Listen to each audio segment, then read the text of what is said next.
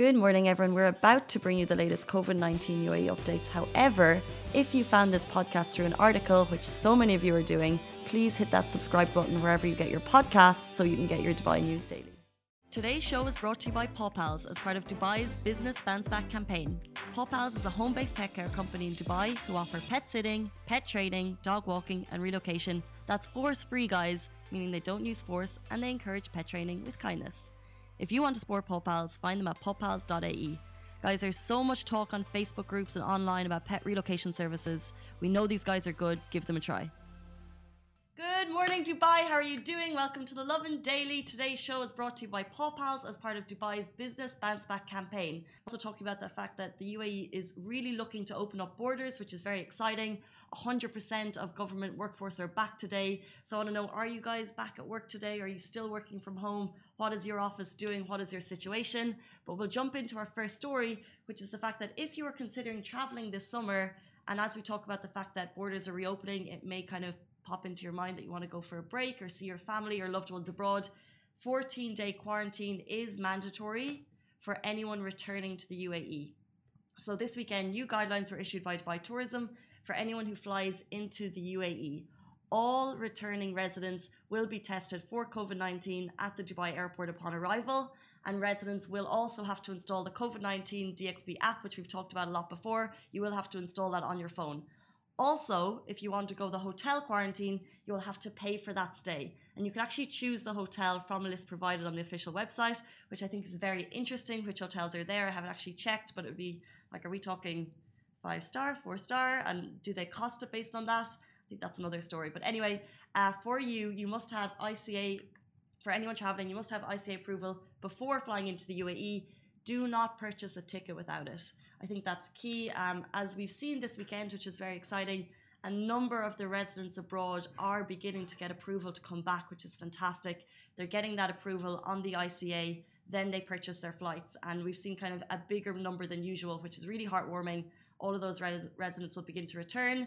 But it's worth noting that if you are planning to travel, I think this is key for parents, teachers, students especially. I think the majority of us will probably work a little bit this summer maybe not do the summer plans that we were planning because of covid-19 but many who are in school or who parents who have their kids in school you obviously have a bit of a longer summer ahead so you may be considering travel. So i think this uh, information is key for you guys that if you are planning to travel you may even also have to quarantine in the city that you're going to or the country that you're going to.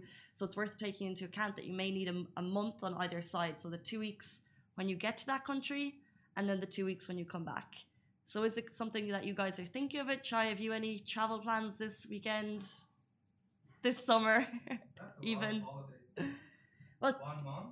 But students, kids and teachers, they have two months to play with. So it may be an option for them. And as we're talking about borders reopening, it's not really an option for us, right? Yeah, it's not an option for us. Yeah. It's not really an option for most of us. But uh, if you have two months to play with, then it may be an option for you. But like you said, when you go to the other country, I'm sure they'll have their rules and regulations. Yeah. Either one week or two weeks, and then and then you get to start your holiday. But it's not really a holiday because it's not like you can go and see everyone True. because obviously you're trying to be responsible and keep it with a close, smaller group. Maybe it depends on the country you're going to. Yeah.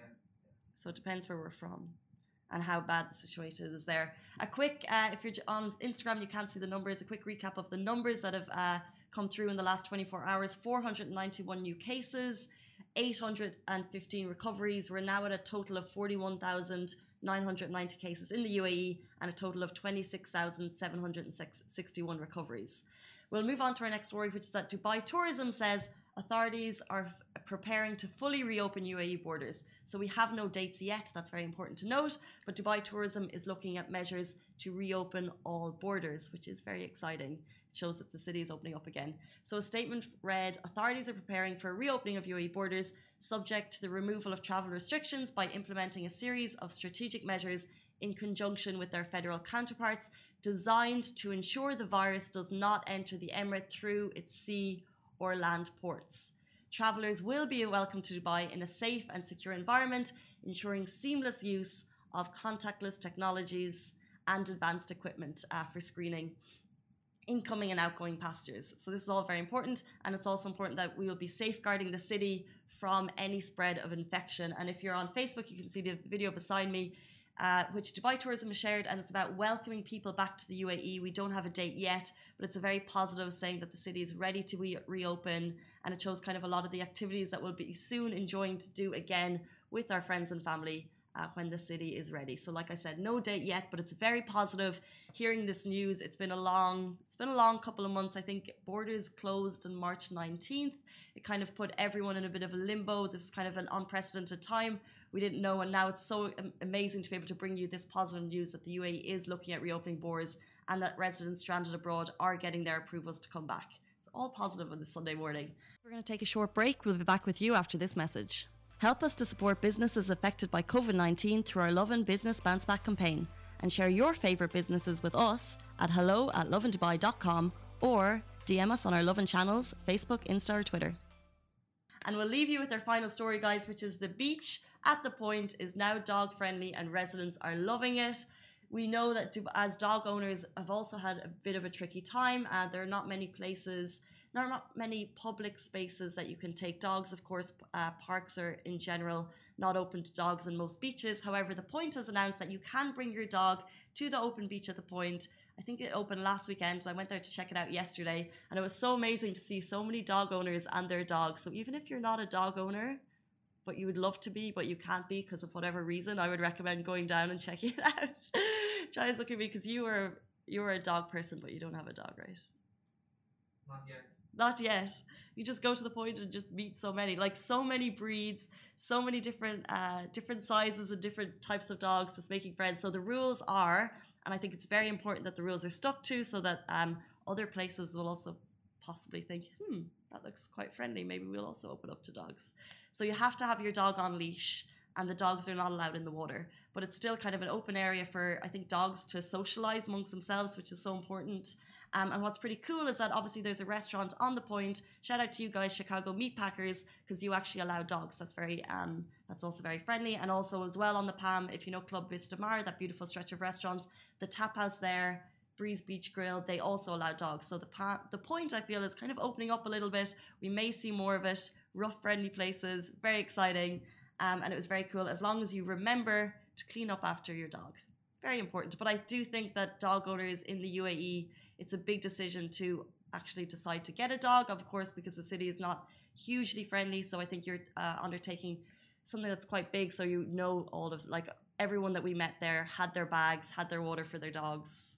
It's all very well organized. Anyway, huge news for dog owners. And if you're considering getting a dog, maybe it's there. You can go and meet people and ask questions. Anyway, before we leave you, quick shout out again to Paw Pals, uh, brought to you by the Business Bounce Back campaign. It's the second week of Business Bounce Back, which is when Lovin Dubai shouts out companies who've been affected by COVID 19.